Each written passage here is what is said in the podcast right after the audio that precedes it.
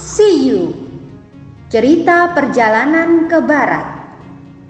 Ditulis oleh Wu Cheng En Diterbitkan oleh Buana Sastra.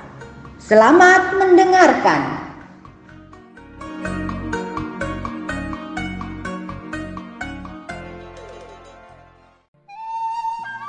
Di dalam gua, siluman perempuan itu telah memerintahkan anak buahnya supaya mengunci pintu gua. Selain itu, ia juga telah memerintahkan dua anak buahnya untuk berjaga malam. Kepada pelayannya, ia memerintahkan untuk membersihkan kamar tidurnya dan menyalakan penerangan. Selesai memberi perintah, biksu Tang dibawanya ke kamarnya yang sudah dipasangi dupa wangi. Ketika Tang Sancang dibimbing masuk ke kamar siluman perempuan itu, ia disambut dengan sikap ramah sekali. Kurasa emas masih kurang berharga dibandingkan dengan kesenangan. Nah, ayo kita bersenang-senang sebagai suami istri. Kita pasti akan bahagia, kata siluman itu. Namun, Tang Sancang tetap terdiam. Ketika siluman itu menarik tangan Tang Sancang, dan memaksanya ke tempat tidur, ia tak berani melawan.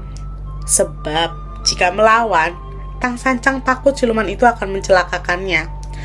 Maka terpaksa ia berjalan perlahan ke tempat tidur siluman itu dengan tubuh gemetar. Tampaknya bingung sekali. Ia juga tak berani mengangkat kepalanya. Ketika duduk di atas tempat tidur, siluman perempuan itu mulai merayu dan menggoda Tang Sancang. Tang Sancang terus berusaha menguatkan hatinya dari godaan wanita cantik yang sebenarnya siluman itu. Ayo kita tidur, rayu siluman perempuan itu. Aku kan seorang biksu. Bagaimana mungkin aku bisa tidur denganmu? Kata Sancang. Kenapa tak bisa? Apalagi aku ini cantik laksana Dewi. Kalau kau mau, aku bersedia menjadi teman hidupmu selamanya, kata siluman perempuan itu.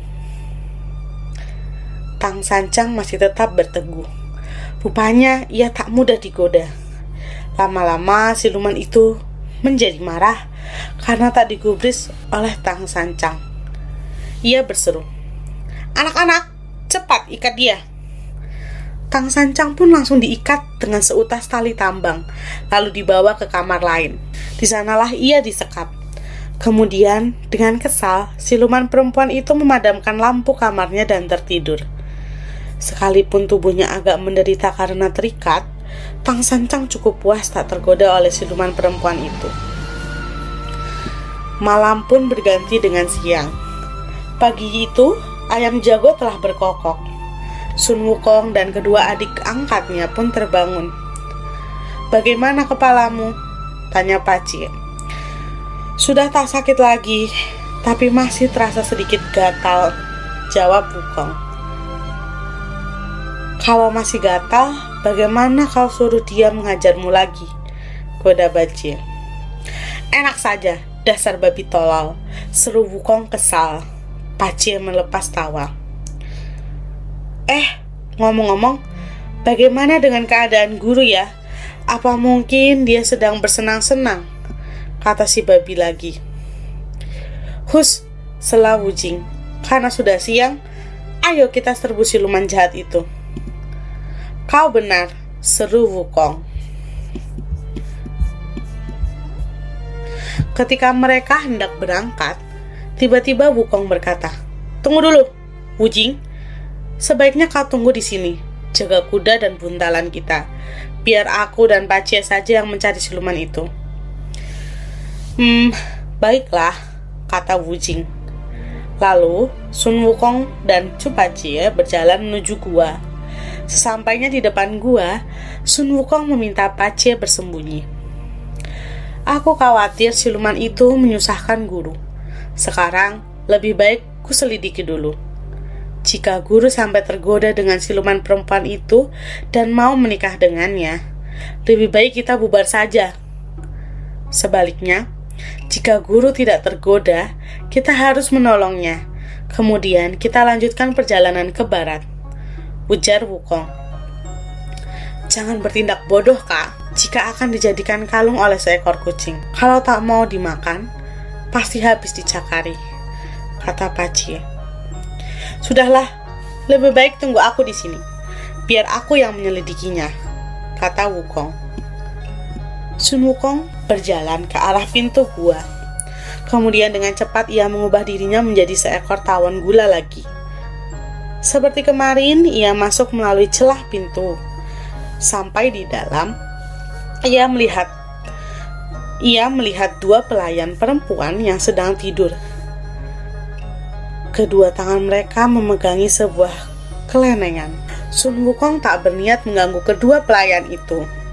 Diam-diam, ia berjalan ke belakang gua hingga akhirnya mendengar suara gurunya sedang mengeluh. Sun Wukong lalu memasuki kamar tempat suara gurunya terdengar. Di kamar itu, ia melihat gurunya sedang duduk terikat dengan sedih. Sun Wukong yang menyamar jadi tawon gula terbang ke kepala gurunya. Guru, bisik Wukong. Tang Sancang yang mengenali suara muridnya segera berbisik. Wukong, cepat tolong aku. Bagaimana kencan semalam, guru? Goda sang murid. Jangan bercanda, Wukong. Sampai mati pun tak sudi aku melayani wanita siluman itu kata Sancang dengan gusar. Tapi kemarin kulihat siluman itu begitu mesra pada guru. Kenapa sekarang guru malah diikat? Tanya Wukong. Aku diikatnya karena dia tak bisa menggodaku. Hampir semalaman dia berusaha membujuk dan merayuku. Jangankan tidur bersamanya, bajuku pun tak pernah kubuka. Jadi, karena jengkel padaku, dia menyuruh anak buahnya mengikatku. Kemudian mereka menyekapku di sini. Ayo cepat, Wukong, tolong aku, pinta Sancang. Setelah siluman perempuan sudah terbangun, walaupun sangat marah pada Tang Sancang, ia tak bisa melupakan ketampanan biksu itu. Ketika ia mendekati kamar biksu Tang disekap, sayup-sayup ia mendengar Tang Sancang sedang berbicara. Muridku, cepat tolong aku. Mari kita ambil kitab suci itu, kata Tang Sancang. Siluman perempuan itu terkejut mendengarnya. Eh, kau mau mengambil kitab apa? Kau kan sudah kuajak hidup senang, malah mau mengambil kitab segala, kata siluman itu. Sun Wukong segera terbang dan langsung keluar dari gua agar tidak ketahuan oleh siluman itu. Sampai di luar, ia kembali ke wujud aslinya, lalu memanggil Cupacie. Bagaimana keadaan guru? Tanya Pacie. Guru baik-baik saja, walaupun digoda oleh siluman itu, guru tetap tahan uji. Karena itu, sekarang dia diikat. Ketika aku sedang berbicara dengan guru, siluman perempuan itu datang, makanya aku terpaksa kabur. Jawab Wukong. Bagus kalau begitu. Guru memang seorang biksu sejati. Puji si babi. Kemudian Cupacie mengangkat garunya dan berlari ke arah pintu gua. Dengan sekuat tenaga, ia mendobrak pintu gua itu. Suara hajaran pada pintu gua itu membuat anak buah siluman yang masih tidur sontak terbangun. Mereka langsung berlari ke gua sambil memanggil kawan-kawannya. Musuh datang! Musuh telah datang! Teriak mereka. Siluman perempuan itu juga diberitahu tentang kedatangan musuh. Sediakan air hangat untukku. Kemudian, bawa juga biksu Tang ke kamar lain. Biar kedua muridnya aku hadapi sendiri. Setelah kuusir mereka, barulah hatiku puas. Perintah siluman itu. Beberapa anak buahnya segera memindahkan Tang Sancang ke kamar lain. Kemudian, sambil membawa senjatanya, siluman perempuan itu keluar untuk menghadapi Sung Wukong dan Cupacie babi hutan dan kunyuk jahat. Kenapa kau dobrak pintu guaku? Seru siluman itu. Kau yang jahat, kenapa kau culik guruku? Cepat bebaskan dia jika kau mau selamat. Jika tidak, aku, Cupacie akan menghajarmu. Kata Cupacie. Siluman itu semakin kesal. Karena gusarnya, dari hidung siluman itu keluar asap dan api. Kemudian, ia langsung menyerang Cupacie. Namun dengan cerdik, Cupacie mengelak serangan siluman itu. Dengan berani, Cupacie melawan siluman itu. Ketika Cupacie terlihat agak kewalahan, Sun Wukong langsung membantunya. siluman itu pun dikepung oleh dua lawan. Siluman itu terus maju, menyerang kedua lawannya. Dia tidak kelihatan takut atau gentar. Serangan-serangannya juga sangat berbahaya. Tiba-tiba, moncong Cupacia terkena senjata lawan. Dengan keras ia mengaduh kesakitan. Kemudian, sambil menyeret garunya, ia kabur. Melihat Cupacia terluka dan kabur, Sun Wukong mengejarnya. Siluman itu tidak mengejar lawan yang kabur.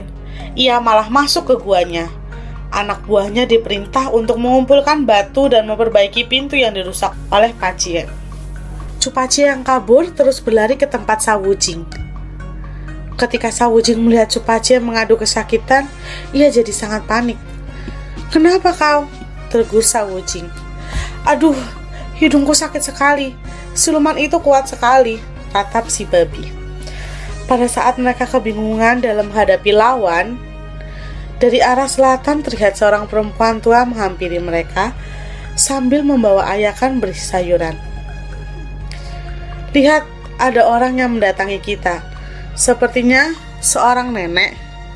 Biar ketemui dia, barangkali nenek ini tahu siapa sebenarnya siluman yang ada di gua itu kata Sawucing. Tunggu dik, biar aku saja yang menemuinya, kata Wukong.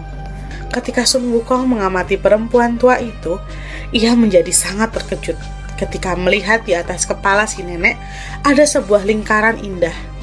Selain itu, dari jarak jauh pun bau harum telah menyengat di hidung mereka. Pacie, Wujing, cepat beri hormat kepada Dewi Kuan Yin kata Wukong. Mendapat perintah dari Sun Wukong, si babi yang moncongnya masih terasa sakit terpaksa memberi hormat kepada wanita tua itu. Demikian pula dengan Sawu Jing dan Wukong. Mereka pun memberi hormat. Karena Wukong dan kedua adiknya sudah mengenali dirinya, dengan cepat Dewi Kuan Yin melompat ke angkasa. Dewi Kuan Yin, maafkan kami karena terlambat menyambut kedatanganmu. Kami sedang dalam kesulitan untuk menolong guru, kata Wukong. Mendengar ucapan Wukong yang jujur, Dewi Kuan Yin tersenyum. Dewi, sebenarnya siluman apa yang ada di gua itu? Tanya Wukong. Siluman ini memang sangat kuat, kata Dewi Kuan Yin. Senjatanya adalah sepasang capit. Siapa yang terkena senjatanya, dia pasti akan sangat kesakitan apalagi pada ekornya terdapat racun kuda. Sebenarnya, dia itu siluman kalajengking. Oh, pantas saja dia kuat, kata Pacir. Semula, dia memang tinggal di kuil petir. Setiap hari, dia mendengarkan Buddha Rulai membaca kitab suci. Tapi, karena Buddha Rulai menganggapnya tak layak berada di tempatnya, didorongnya kalajengking itu.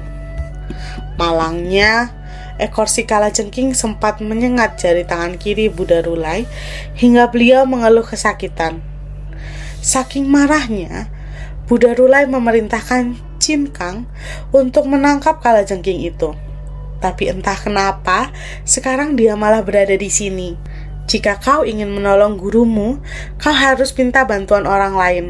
Aku pun tak sanggup mendekati siluman itu, kata Dewi Kuan Yin. Dewi Kuan Yin, kalau boleh hamba memohon, coba tolong beri petunjuk ke manakah hamba harus meminta bantuan. Tanya Wukong.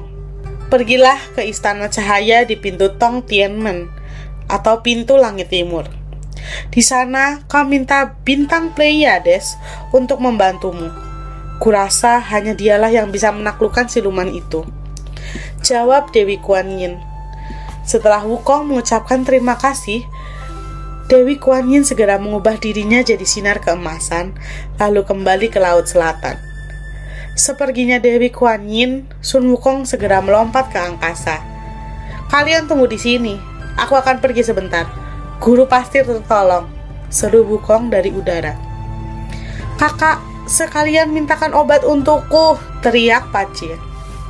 Tak usah, nanti kau pun akan sembuh sendiri seperti aku kemarin, kata Wukong.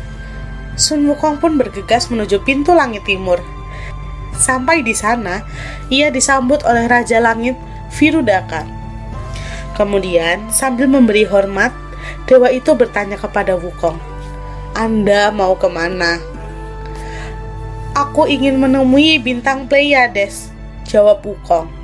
Lalu, ia mengisahkan kesulitan yang dialaminya pada dewa itu. Ketika mereka sedang berbincang-bincang, muncul empat tiancung atau pengawal langit, yaitu Tao, Chang, Shin, dan Teng. Kembali Sun Wukong mengisahkan kesulitannya. Atas titah Kaisar Langit, hari ini bintang Pleiade sedang meronda, kata salah satu pengawal langit itu. Oh, benarkah begitu? Tanya Wukong. Ya, untuk apa aku membohongi Anda? Dia sudah lama perginya. Mungkin sebentar lagi kembali. Sebaiknya Anda pergi saja ke Istana Cahaya. Di sana Anda bisa menunggunya kata pengawal langit tahu. Mendengar keterangan itu, Sun Wukong tampak puas. Ia langsung menuju istana cahaya.